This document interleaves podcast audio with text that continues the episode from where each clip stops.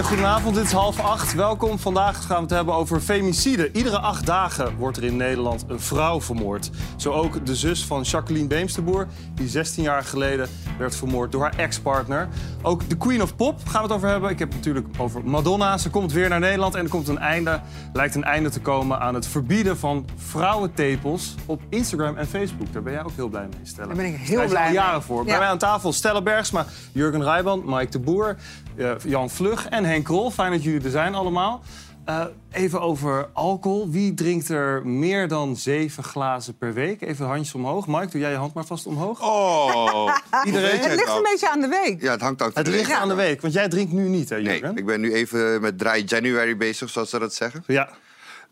Sorry, maar ehm, als ik drink, als ik drink, ja, nee, nee, nee, dat is een stuk Ja, gezonder geworden. meteen een droge keel. Ik heb me droge keel ervan aan overgehouden. Maar eh, nee, als ik, als ik, ik, vind het wel, ik vind het wel lekker als ik eh, ga uiteten om een wijntje erbij Ja, te doen. En dan ben je, ben je heel gewoon vier glazen wijn als je een beetje goed diner hebt. Er is laatste nieuws uit Canada. Daar gaan ze de richtlijn aanpassen. Dat was 15 glazen per week voor mannen. En dat, maar daar maken ze nu van niet meer dan één of twee glazen alcohol per week. Dat red jij niet, hè, Mike? Nee, zeker niet. Maar ik ben eh, eh, wel een fanatieke sporter. Dus ik ga altijd vier tot vijf keer per week naar de sportschool. En dan vind ik dat ik in het weekend die tractatie dan wel mag hebben. Ja. En dan vind ik ook echt wel een goed glas wijn of misschien een flesje ook wel prima. Henk, eh, ja, oh ja, we hebben ook nog wat foto's daarvan. Want als jij op jouw Instagram kijkt, Mike, Dan zie je alleen maar... dan is het alleen maar... We, ik, we hebben echt heel Ja, kort onderzoek zit, gedaan. Nee, maar er zit water in. hè. Er zit water Alleen maar foto's.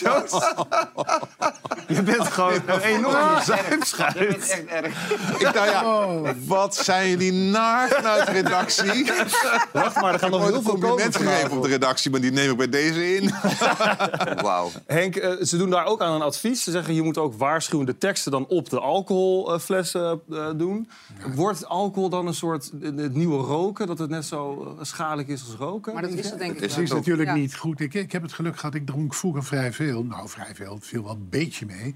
Maar mijn vriend drinkt geen druppel. En voor jezelf alleen een fles opentrekken, niet dat doe je niet. Nee. Dus ik, eh, ik red het met, eh, met deze richtlijn uit Nou, als het een mooie Amarone heb, trek ik Nee, wel alcohol, op. alcohol is een enorme killer. Dus Alcohol is een alcohol is harddruk. veel en veel erger dan, eh, dan wiet of ecstasy. Of Drink je wat dan ook. zelf? Nauwelijks. Ik heb, eh, ik, zelf, ik heb in mijn studententijd en, en de eerste jaren daarna genoeg gedronken voor een heel leven. En eh, ja, vervolgens krijg je kinderen en dan weet je, ik wil alleen maar werken. En dan eh, ja, je, ben je 's ochtends toch gewoon niet fris. Eh, ik moet een beetje nadenken bij mijn werk. Dus wel af en toe een eh, jointje. Nee, doe ik ook niet. Nee, Jan, ik heb ik ben helemaal niet nodig. schrijver en dan is het heel belangrijk om af en toe een... Jullie, voor jullie is het heel belangrijk. Heel belangrijk? belangrijk. Ja, tuurlijk. Dus, nee, maar serieus, je- soms mijn beste zinnen, dat is dan één zin op een avond... maar die komen wel als ik gedronken heb. Ja, echt waar? Ja.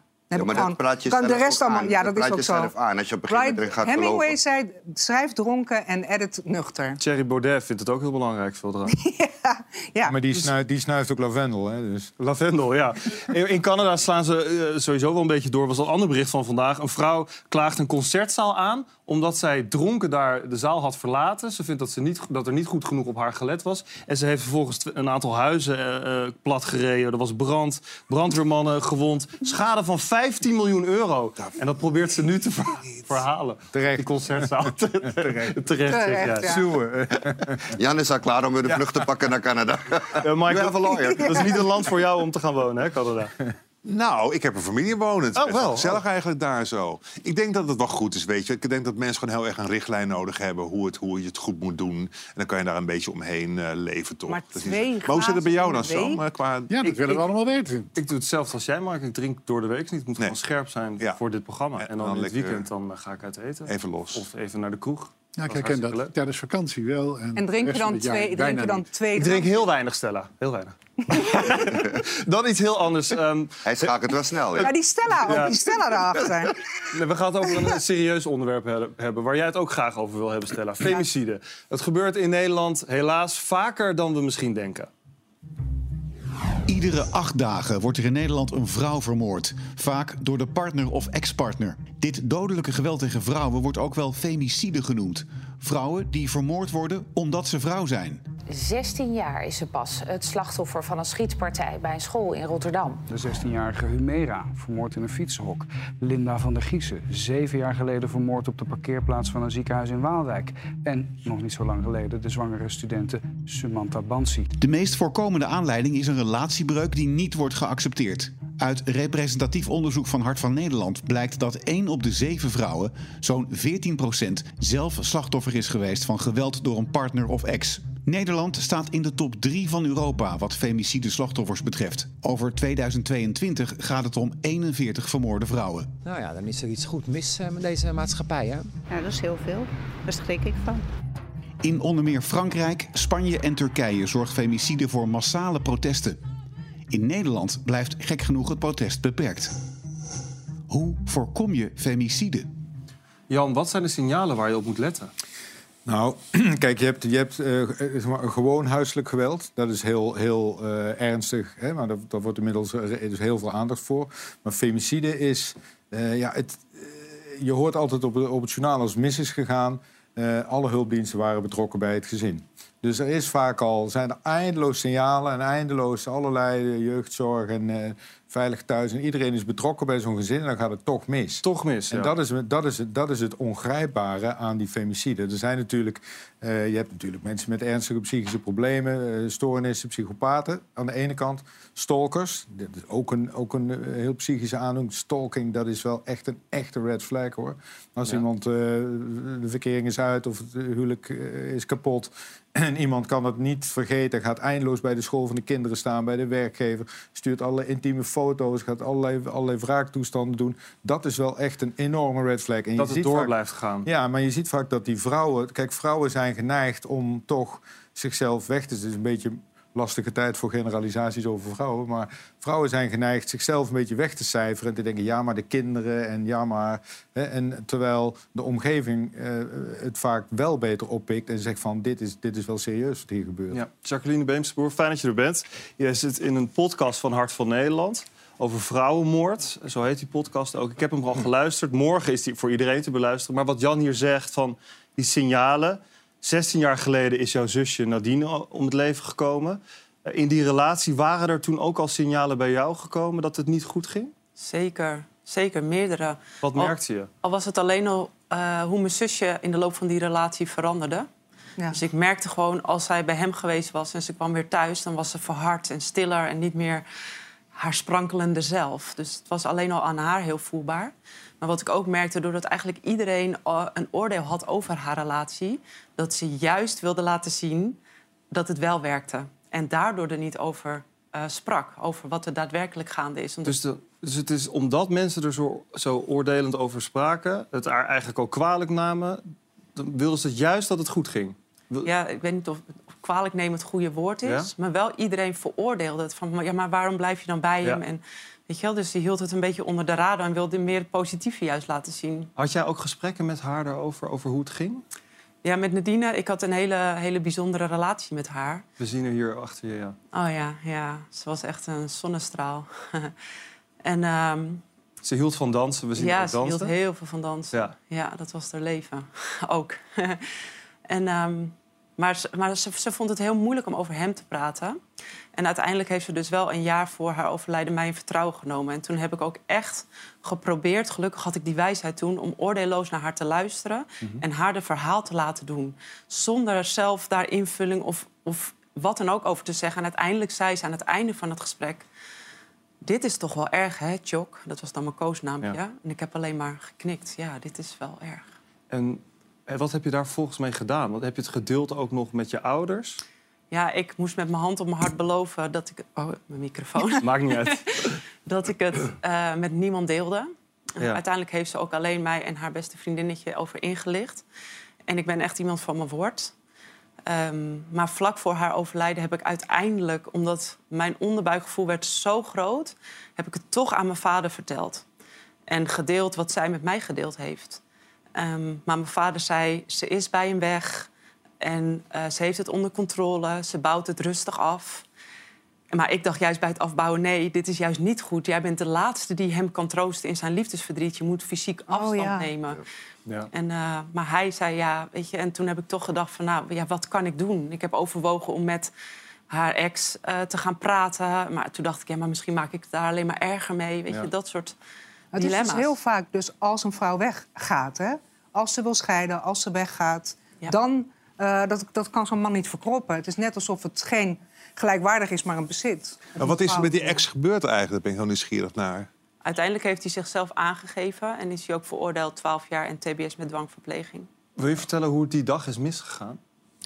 Ja, zij eh, ehm, had de relatie ook echt afgesloten. Dus eh, ze heeft drie maanden lang heeft zij, eh, hem gesteund. En toen heeft ze gezegd, nu is het genoeg, Gerald. Ehm, en toen heeft hij haar eh, geprobeerd over te halen om naar die woning te komen... waar hij woonde in Amsterdam. Ze zei, nee, ik wil niet meer komen, het is klaar nu. En toen zei hij, ja, maar ik heb een afscheidscadeau en een brief Oh. en dat soort dingen. Ja. Ging ze toch niet overstag. En toen heeft hij gedreigd een feest waar ze die avond naartoe zou gaan... te komen verstoren. Toen is ze over, overstag gegaan en alsnog naar zijn woning toegegaan. ja. Ja. En daar eh, heeft hij gedaan alsof er een cadeau was. Wat een lege kartonnen doos bleek te zijn. En hij had messen in huis verstopt. Ja. Hij was al drie dagen aan de cocaïne. En ehm, ja, ze is uiteindelijk maar een kwartier binnen geweest. Heeft de jas niet uitgedaan. Nee. En op het moment dat ze dus weer weg wilde gaan... hield hij achter die kartonnen doos een mes... en heeft haar eh, met 36 messteken om het leven gebracht. Bizar.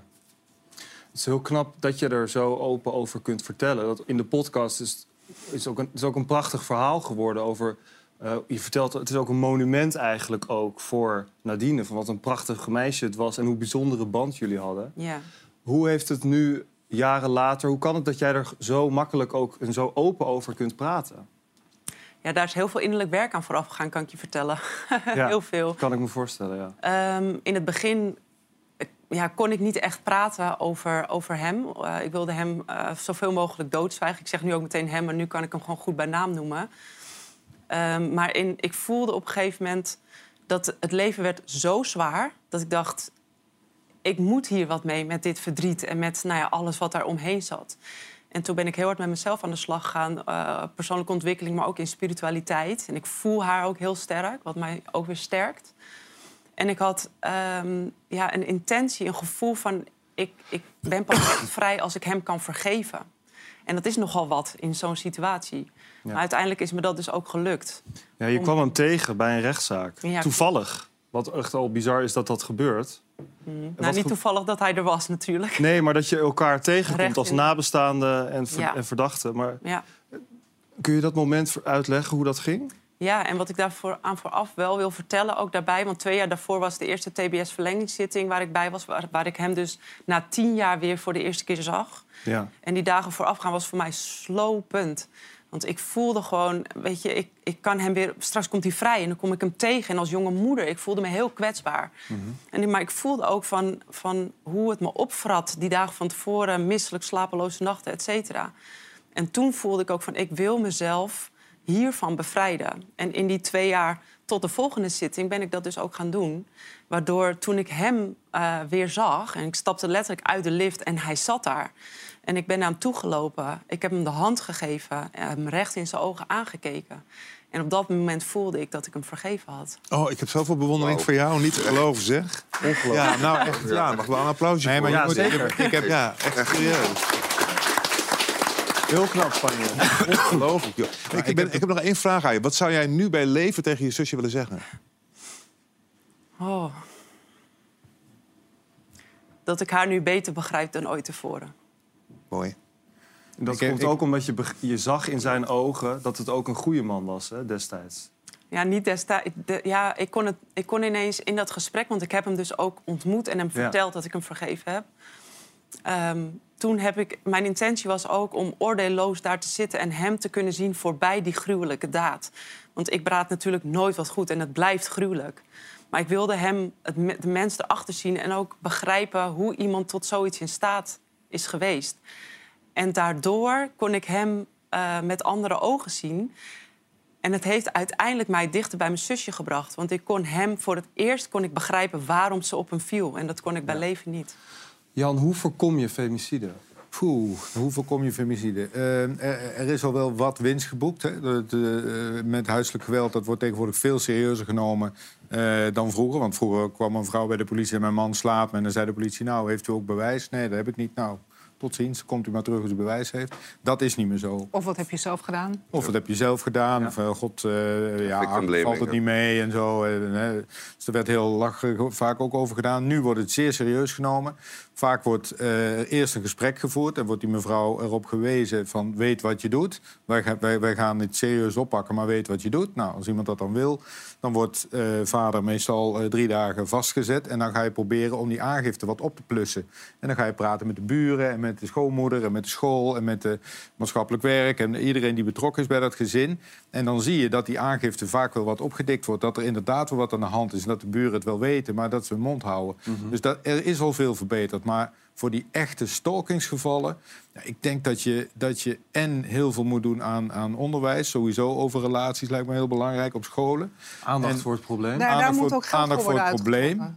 Toch, En- er moet geld voor worden uitgetrokken. Ook, maar ja, die weet je, je kunt ook gewoon lespakketten maken... en Ja. zeggen van nou, je moet dat doen. Maar omdat, Eh, nee, daar kom ik zo En, meteen wel op. en, en het tweede wat ik ook vind, is dat je in extreme gevallen gemakkelijker moet zijn met een nieuwe identiteit. Dat vinden we in Nederland allemaal heel lastig. Dat kost heel veel geld. Dan moet u, uw vrouw moet verhuizen. Dit en Om dat. makkelijker onder een nieuw paspoort en dan klopt de boekhouding niet meer, weet je wel. Eh, maar dat moet veel, want het is zeer, zeer serieus. Het is krankzinnig dat er 40 vrouwen per jaar. eh, 44. of 44, nou ja, het wisselt een beetje. Jaren om die reden wordt ja. Maar ik wil nog heel even één ding over Jacqueline zeggen. Want ik vind die podcast vind ik ook heel belangrijk. Vanwege zeg maar, de, eh, de, nou ja, de, de bemiddeling tussen dader en slachtoffer. En ook omdat het, nou, ik wil het geen reclamespot noemen... maar dat het wel aangeeft wat het belang van TBS is. Want daar wordt heel vaak lacherig over gedaan. Want mensen vinden dat maar een soort fopstrafje. Maar TBS is dat niet. TBS is een heel belangrijk, heel erg doelmatig middel om mensen te behandelen. Dat gaat in heel veel gevallen goed. En dat blijkt heel sterk uit het verhaal van Jacqueline... voor wie ik enorme bewondering heb. Stella, jij deed vorig jaar een oproep aan de vaders. Ja. Waarom? Nou ja, dat was ook omdat die actie op Vaderdag was, zeg maar. Dus Ja. het was eh, De dag voor Vaderdag was de het, dag ja. voor Ja. Vaderdag. En, dat, en eh, gewoon eigenlijk om mannen meer te betrekken bij. We zitten nu met alleen maar mannen en, en één vrouw eh, eh, aan tafel heel over te praten. Hè? Nee, wij maken een grapje, maar Oh. dat, is, dat gaat over een ander onderwerp. Eh, maar eh, om, omdat mannen heel vaak doen alsof femicide een vrouwenprobleem is. Dus wij wilden eigenlijk een soort extra nadruk leggen op vaders en ook op, vader, op, op vaderschap. Op die kant van mannelijkheid. Dus niet die toxische kant van mannelijkheid of die, die macho kant van mannelijkheid... waarvan je denkt, die vrouw, als ze niet van mij is, dan mag niemand er hebben en al dat soort dingen. Maar gewoon die zorgende vaderlijke kant van mannen, om die aan te spreken, zeg maar. Omdat we natuurlijk gewoon hij aan zij hiervoor moeten vechten. Dat was eigenlijk het idee. Jacqueline, als jij terugkijkt op het verhaal ook van Nadine... op welke punten kun jij zeggen van... ja, er had misschien iets voorkomen kunnen worden... of daar kunnen lessen uitgetrokken worden? Ja, voor mij, want ik ben inmiddels ook afges- afgestudeerd als therapeute zelf. Dus ik weet inmiddels ook eh, hoe, hoe ja, de brein, het brein werkt. En wat mij betreft zit het in de eerste zeven jaar. En ligt daar de basis. En daar mogen we ook naartoe. Eh, vanuit de gezinssituatie al. Want vaak geven we eh, van, van ouders door op kinderen, et cetera. En weten we zelf ook niet beter. Dus de, eigenlijk zijn we de, de dingen aan het herhalen. De rest van ons leven, wat de programmatie van die eerste zeven jaar is geweest. Dus daar ligt, wat mij betreft, al de sleutel Bij de Ja. opvoeding. bij de opvoeding. Eh, de aflevering met Jacqueline Beemsterboer is vanaf morgenochtend te, te luisteren als podcast op alle streamingsplatforms. Dankjewel, Jacqueline, dat je hier wilde zijn. Dankjewel.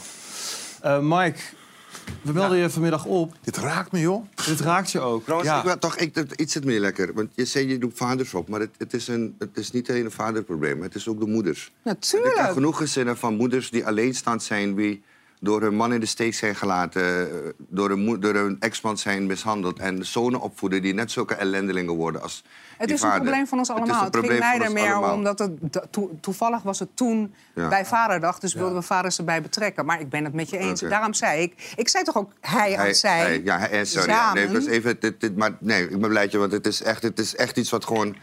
En wat zit in ik ons er nog hele over wil beeld dat we hebben over heel vrouwen. Ons hele hebben. man-vrouwenbeeld klopt gewoon niet in het land. Nee, nou, de verhouding tussen man en vrouw in die, in, in die zin, daar zijn nog dingen mis. Dus daar, En ik vind ook dat er, dat zei ik net ook... eh, Uh, er wordt voor terrorisme geld uitgetrokken. Er moet meer geld uitgetrokken worden voor educatie en uh, preventie van geweld tegen vrouwen. Nou, wat jij in je column zei, wat jij in je column zei, het aantal er worden honderd keer meer vrouwen vermoord dan dat er terroristische doden vallen. Ja. Dus, uh, ik noem het thuisterrorisme. Ja, dat is het ook. Maar dat Mike, waarom raakt het jou zo? Ik vind, het, onderwerp? ik vind het oprecht shocking. Uh, het raakt me ook omdat ik um, het zo mooi vind dat, dat zij in staat is om die gift niet binnen te laten en wil vergeven.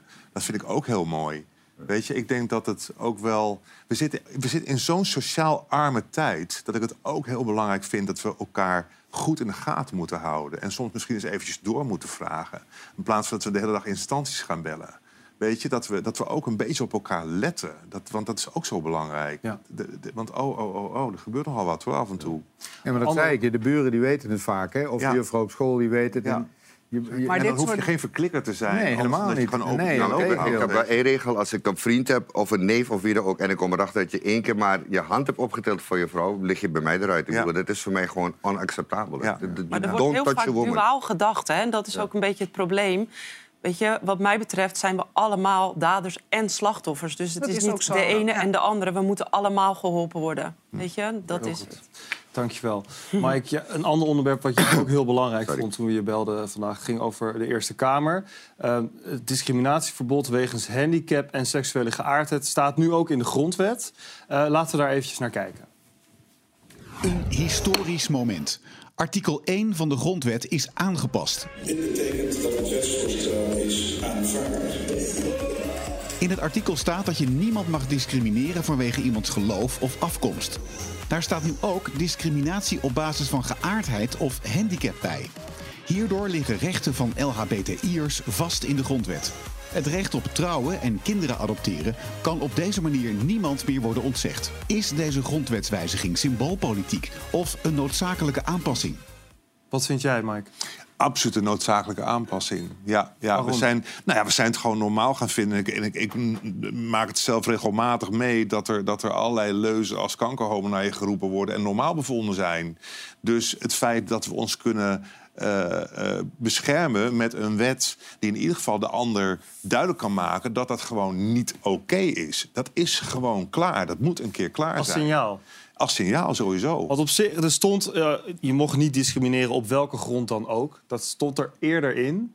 Uh, Jan, heeft het juridische gevolgen dat het nu ook op deze manier... dat deze punten er ook in staan? Dus nou, een handicap of seksuele geaardheid? Ik denk dat het... Kijk, het staat in de grondwet. Hè, dus uh, dat, dat, is nou niet iets waar je dagelijks uh, op, op kunt beroepen. Het is meer iets waarnaar wij streven... en waar, waarvan wij vinden hoe het zou moeten zijn. Die grondrechten... nou ja, wetgeving kan er niet aan worden getoetst. Allemaal een beetje ingewikkeld. Maar goed, het komt in die grondwet. Ik vind het heel erg belangrijk dat dat zo is. Want de emancipatie van wie dan ook... is in Nederland nog verre van afgerond. Ja, Ja, ik heb niet voor niets, was ik een van degenen die dit voorstel mee heeft ingediend. Een aantal jaren geleden, ja. Maar wat veel belangrijker is, artikel 1 van de grondwet hangt in heel veel hallen van gemeentehuizen, bij sportscholen, op, op andere scholen.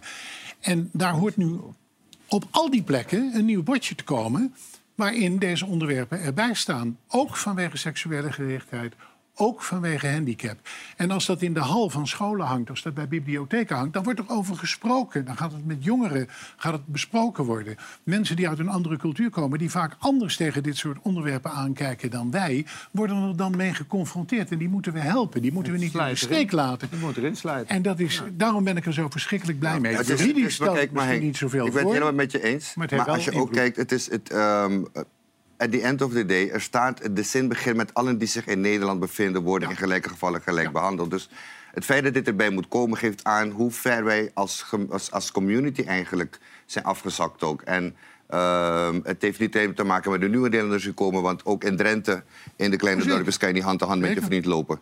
Um, ik denk dat we gewoon met z'n allen, met allen echt gewoon bij onszelf te raden moeten gaan. Hoe we ons moeten schamen als land. Dat we dit in de grondwet moeten zetten om het duidelijk te maken. Want in principe staat het er al dat we allemaal gelijk zijn. Aan de andere kant zijn wij een van de laatste beschaafde landen waar het in de grondwet komt. Want het heeft in bijna alle andere landen staat het al in de, grondwet. En het is helaas, ben helemaal met jou eens, het zou niet nodig moeten zijn. maar zoals jij erover denkt, denken de meeste mensen er niet over. Of je zet er nu geen, staat geen enkele... expliciet in en dat helpt wel. Of je maakt niks expliciet, of je maakt alles, alles expliciet. Zou je nog meer dingen willen toevoegen, ja, uh, gewicht, omvang. Gewicht. Bodyshaming. Leef, ja, leeftijd staat er Leeftijd staat erin. Maar je, het is eigenlijk idioot om al die dingen zo te specificeren. Maar kennelijk is het dus nodig. Henk, je kijkt een beetje Je kan het ook allemaal... Je, ja. Nou ja, ik, ben, ik, ben, ik ben, nu net 24 kilo kwijtgeraakt. Ja. dat had ik al gezien, maar Henk. Ja, ja. Maar het wordt nu wel even genoemd ook. Aan. Jawel, hè? Ja. maar, nee, maar ik denk serieus dat... Uh, als, je, als gewicht, ja, dan kunnen we nog wel even door. Nee, dan kan je nog wel even door. Dat is ook zo. Maar ik dacht gewoon, als je, als je die andere dingen noemt... dan, dan krijg je weer... Want het, ik, ik vind dat uh, dikke mensen vaak uh, een van de weinige groepen zijn die nog gewoon uh, gediscrimineerd mogen worden op een soort hele rare, onbeschofte manier. Als ze in een vliegtuig willen en twee uh, stoelen nodig hebben, bijvoorbeeld. Of als, nou, als ja, daar hoef je ook niet lollig over te doen, toch? Nee. Of heel naar over te doen. Of nee. weet ik wat, daar kunnen ze gewoon voor betalen dan. Henk?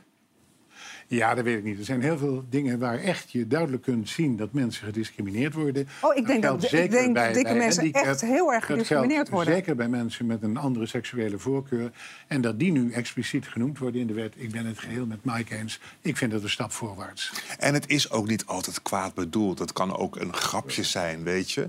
Maar ik vind het heel belangrijk dat heel vaak doordat dit het nieuws haalt... dat we met z'n allen er even over nadenken. Ja, maar het is een beetje... De, de grondwet is datgene waar wij naar streven. Dus ja, hè? Dan moet je niet over handhavingen en boetes of zo gaan hebben. Dus dat, daar streven wij naar. Gelijkheid en uh, bescherming, recht op leven, recht op... Dat, zijn, dat is waarnaar wij streven. Daarom is het heel belangrijk dat dat in die grondwet wordt opgenomen, vind ik zelf ook. Ja. Het is nog lang niet af. Iets anders. Nee, Stel je voor, meer dan drie ton salaris en dag in dag uit meevliegen met een privéjet. Dat is wat Netflix te bieden heeft voor de nieuwe steward of stewardess van een van hun vliegtuigen. Ik dacht Mike. dat je het over je eigen salaris had. ja, jij hebt toch ook een privéjet, of niet? Zo Nee, nee, nee okay, jammer. Jammer jullie meevliegen met ome John. Ik zit elke, elke zomer lekker op de camping. Met maar wat een exorbitant bedrag, man. Veel geld. Doen. Zou jij dat doen? Ja, ja, ik zou het wel doen. Ik zou het echt super leuk vinden om gewoon eens een keertje even Ik heb jaar... het op je Instagram gezien. Ik heb geen uh, stewardessenpakje gevonden. Ik heb wel een privéjet, maar dat weet ik niet. Ben je tegenwoordig nog wel steward of stewardess? Ben je niet air assistant of zo? Ja, joh, dat mag flight attendant. Volgens mij flight attendant. Zou jij, zou jij het doen? Ik zou liever uh, degene zijn die bediend wordt dan. Ja. Door, de, door de flight attendant. die vraag. Heb jij, was het een, voor jou altijd een droombaan om cabaretier te worden, Jurgen? Ja, absoluut. Ik heb, het is heel Hoe raar. graag wilde je dat? Ik was, ik was vier jaar oud toen ik uh, voor het eerst op het podium stond. Ik deed mee met een soort modeshow en een bonte aanvinding. En ik kreeg een soort applaus van iedereen. Ik dacht van, dit wil ik voor de rest van mijn leven. En ik heb eigenlijk altijd er alles aan gedaan. Ja, dank u wel, dank u wel, dank u wel. Dank u wel. En ik heb er eigenlijk ook altijd alles aan gedaan om op het ben nog steeds model? Of, ben je nog steeds model? Of? Nee, nee, niet meer. Nee, nee, ik, ben, ik sta voor andere oh, dingen we model. We zien hier kleine Jurgen. Had je hier al bedacht dat je cabaretier Toen wist ik het al, ja. ja. Toen, wist, je het Toen wist ik het al, ja. Absoluut. Ja, ja. En, ik had, ik had, want um, ik, ik vond het podium leuk, maar we hadden thuis hadden we in de platenkast in Suriname hadden we Snip en Snap. Uh, we hadden Toon Hermans, uh, Wim Sonneveld. Uh, kan hadden we allemaal in de Je vergaat nu wel je leeftijd. Ja, nee, ja, ik, bedoel, ik, ja, ik ben 56, ook al zie ik er jonger uit dan Mike. Ik ben, uh, ja, dat ben je ook. maar het is, het, ja, ik, ik, ik was gewoon gefascineerd erdoor. Ik, niets leek me mooier dan op het podium te staan... en, en gewoon verhalen te vertellen en mensen aan het lachen te maken... En, ja, daar, daarvan je, je gewoon je dagelijks brood, uh, of je dagelijks brood mee te verdienen. Wat wilde jij heel graag worden? Actrice. Oh, dat is niet gelukt? Nee. nee. Nou ja, misschien. Wel een weet beetje. niet. Dat, Wel een ja, beetje. Daar Dat valt, kan altijd daar valt nog. nog over te Nou, debatteren. zangeres hè? toch? Zangeres toch? Ja, zangeres wilde ik ook worden. Ik wilde gewoon beroemd worden. Maar je bent nu aan het schrijven. Ja. En Ja. Is, dat, is dat ook Ja, wel dat een wilde droom? ik heel... Nee, dat, dat deed Is het ik leuk gewoon. wel om te doen? Nee. Nee? Nee. En ik wilde het ook nooit Waarom worden. ik, vond het, ik dacht altijd van alles wat ik deed. Ik schreef en ik tekende en ik deed van alles. Maar ik dacht, het schrijven is echt het saaiste. Ja. En waarom doe ik het? Omdat ik het het beste kan. Ik kan al die dingen helemaal niet, al mijn dingen. Maar je hebt een beetje een haat-liefdeverhouding. Ja, zeker. En wat doe je nog met zang dan? Nou, ik, ga, ik heb toevallig net al mijn eh, oude liedjes vertaald in het Nederlands. En die wil ik gaan opnemen met mijn band. Oh, wat grappig. Ja. Dus toch Voor mijn nieuwe oude- dichtbundel. ja. ja. Dus eh, Ja, en als er nog mensen uh, mij willen casten voor een film... Ja. Dan, In Hollywood bijvoorbeeld? Ja, bijvoorbeeld. Ja, ze zullen vast kijken. Ze geven tegenwoordig ook wat oude actrices, ook Golden Globes en zo. Dus ik maak nog wel kans. Ja. Oh, uh, jongens, ik heb nog een persoonlijk dingetje. Want uh, ja. kennen jullie dat gevoel dat je denkt... ja, ik begin ergens aan en de recensies gaan mij helemaal niks doen? Daar, de, daar, daar, maak ik me niet druk om. Ik kreeg vorige week een belletje door de Nieuwe Revue. je staat in de rubriek wie denkt, puntje, puntje, wel, wel niet dat die is. Ja. En dus ik dacht, ja, hoe ga ik me niet druk om maken? Ik werk vanochtend wakker. Ik, vroeg al, ik ga niet wachten tot de Bruna open is. Ik neem een proefabonnement online, zodat ik het ah. zo snel mogelijk kan lezen. Hoe gaan jullie om met kritiek? Zijn recensies belangrijk voor jou altijd geweest? Uh, ik had het in het begin had ik het heel erg. Dat ik, me echt, dat ik, dat ik echt ook dagen kon zitten, kon zitten knauwen gewoon... dat ik iets had gelezen over mij. Dan lees je bijvoorbeeld online lees je 50 mensen die laaiend enthousiast zijn. Ja. En er zit eentje ertussen die iets pisserigs schrijft. En dan ben je echt alleen met die ene bezig. Dat je denkt van fuck, ja. fuck, fuck, fuck. En uh, ja, misschien is het met, heeft met mijn leeftijd te maken. Maar langzaam maar zeker kom je op het punt dat je erachter komt van jongens... At the end of the day. En Katrien Keil heeft me dit ooit eens gezegd toen ik uh, me vertelde dat ik me zo zorgen maakte over dat slechte kritiek. En toen zei ze: op de wereld zullen van de 100 mensen 50 je leuk vinden. En 50 zullen, no matter what je doet, je een klootzak vinden. Concentreer je op die 50 die je leuk vinden.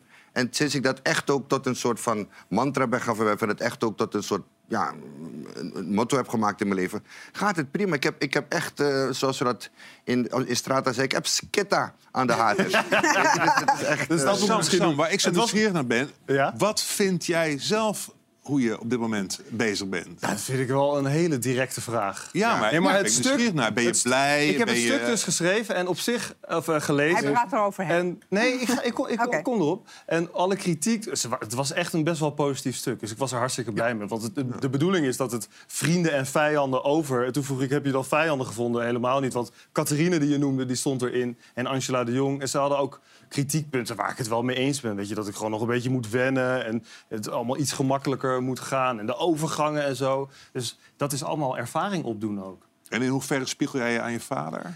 Oh, dan ga je... Wordt het een diepte-interview? Ja, ik ben gewoon nieuwsgierig. ik ben gewoon nieuwsgierig. Zullen jij maar ik vind, nee, ik, vind, nee, ik vind oprecht dat je het, dat je het hartstikke goed doet. Ja. En, en nou, dat voel me ook heel prettig altijd bij jou aan tafel. Dus, ik zie nu pas, dat, ik zie pas wie jouw vader is. Dan kom je nu achter jou. Ja, dat maakt niet uit. Ik ben nieuwsgierig hoe je het zelf ervaart. En, ik vind het echt een hele eer om dit te mogen doen. Nee, het echt. Je Ben jij er veel mee bezig? Recensies, kritiek, Henk? De eerste keer dat je negatieve kritiek had, heb jij niet gehad. Want dit was niet negatief. Maar de eerste negatieve kritiek die je krijgt, die blijf je wel bij. Ja. En daarna, echt, het interesseert me helemaal niks meer. Tenzij ik kritiek krijg van iemand die ik hoog heb zitten. Juist, ja. Ik weet dat ik een keer een hele negatieve kritiek kreeg uh, van Joep van het Hek. Ja. En ik heb Joep heb ik heel hoog zitten. Ik vind zijn columns geweldig. Ja, dat, dat trof mij, dat vond ik vervelend. Maar Waar ging voor het de rest, over? Van Joep? Ah ja, weet je, ik ben natuurlijk ooit in het nieuws gekomen als ik zou subsidies hebben gefraudeerd en weet ik wat allemaal. Ze laten allemaal. Bij de? Ja, ze laten allemaal bewijzen dat er niets van waar is.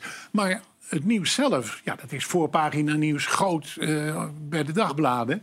En het feit dat je ervan bent vrijgesproken en dat er niets aan de hand is. Het heeft bij de Telegraaf niet eens in druk in de krant gestaan. En op de website zo'n klein stukje.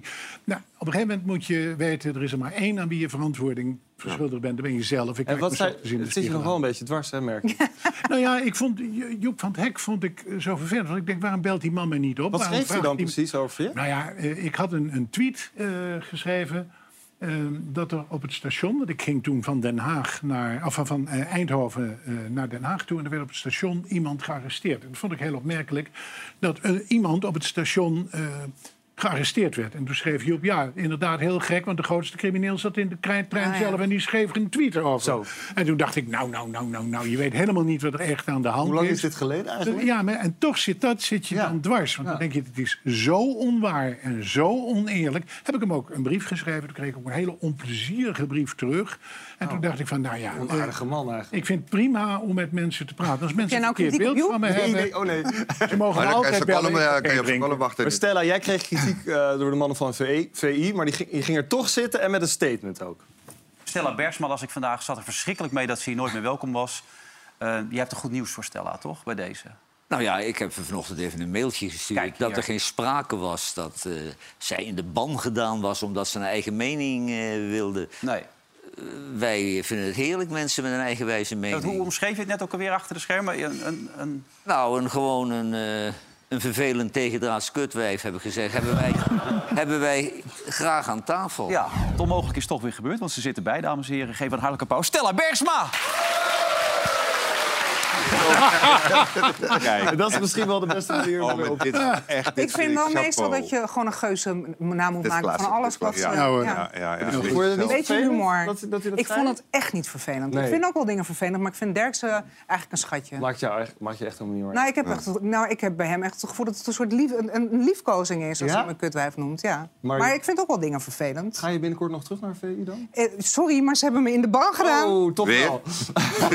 nou, ze vinden gewoon dat ik daar niet pas. En dat vind ik wel jammer, want ik vind dat, dat ze dan toch niet echt openstaan voor een heel ander soort iemand. Nee, ik heb toch het gevoel dat zij in een soort uh, dynamiek met elkaar zitten waar ik, niet, waar ik ook echt niet in pas. Maar dat ze daar wat iets opener in moeten maar dan wordt het misschien ook wel lastig in zo'n uitzending als ja, je er niet is, in past. Is, misschien ook wel zo, maar ik vind toch dat ik meer kans moet krijgen. Nou, fijn dat je hier bent in ieder geval. Straks, er is goed nieuws, want foto's van de vrouwentepel zoals deze van Stella... Eh, die mogen binnenkort weer op Instagram en Facebook. Tot zo!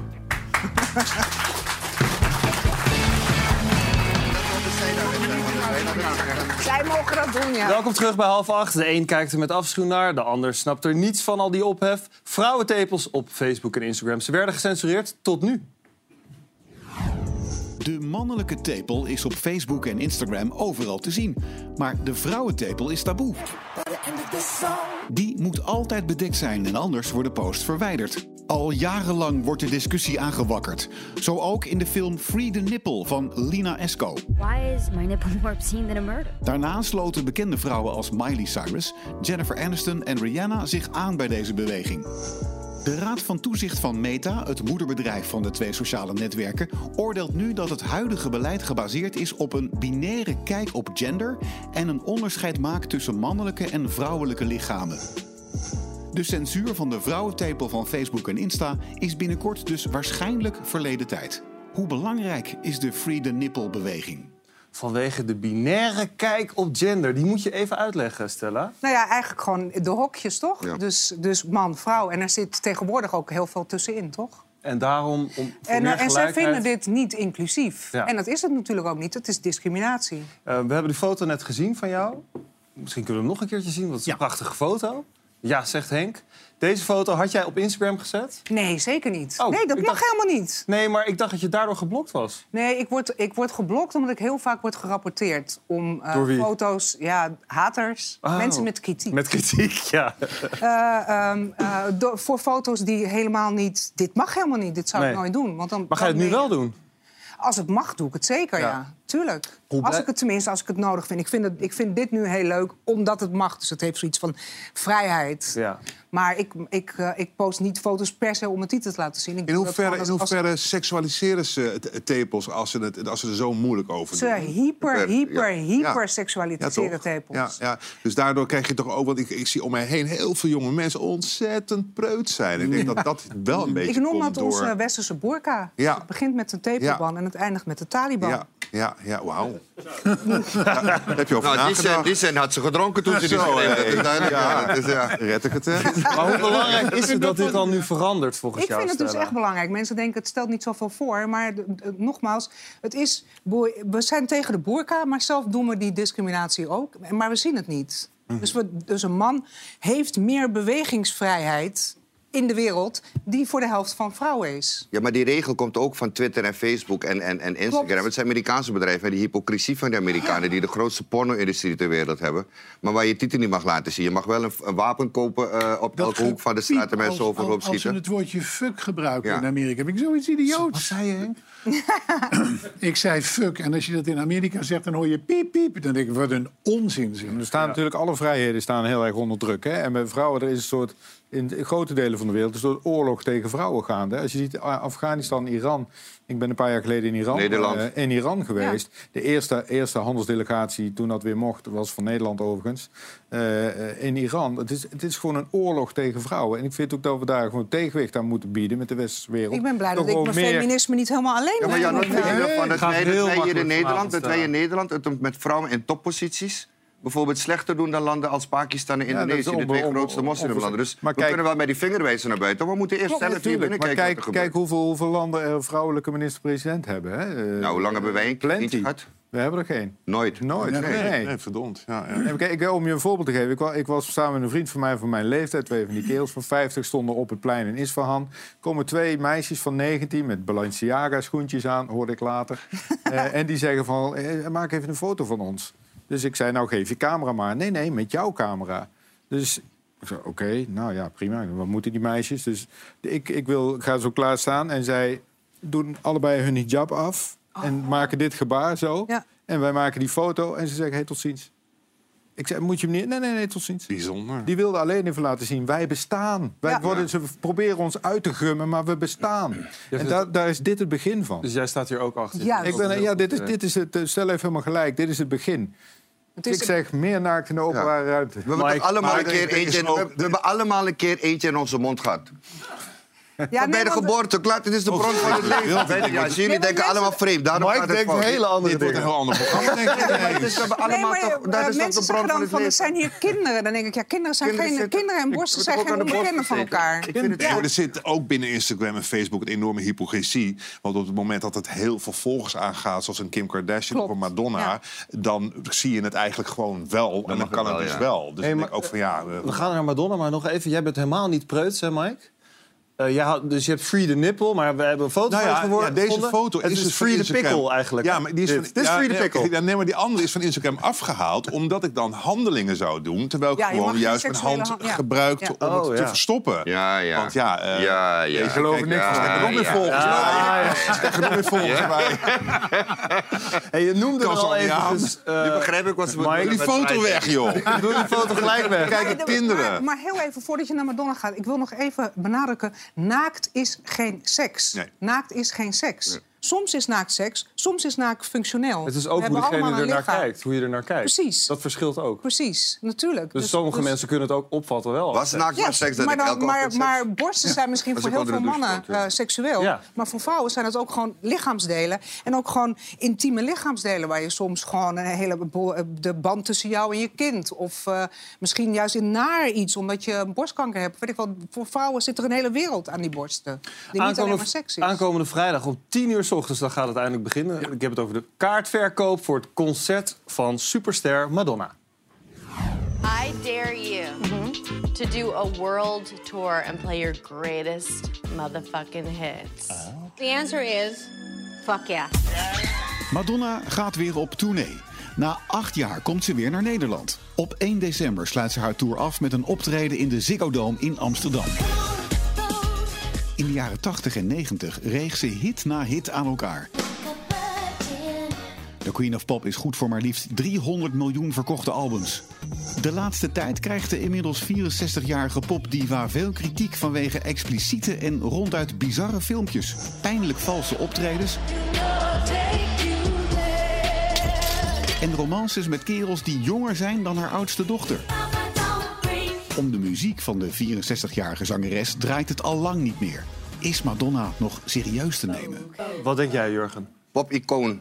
Pop-icoon. Nog zeker eh, serieus uh, Zonder meer, absoluut. Ja. En dat ze een beetje raar doet nu. Ja, dat is onze beleving. Maar in haar beleving is het helemaal niet raar. Wat zij doet dat heeft niemand nog door, maar zij is met een extreme, interessante mate van kunst bezig. Wat zij nu aan het doen, serieus, wat zij nu aan het doen is met al die projecties, met al die filters, zij is er tijd echt ver vooruit, want ze omgeeft zich altijd met hele uh, ja, gewoon begaafde mensen die heel erg veel verstand van mhm. zaken hebben.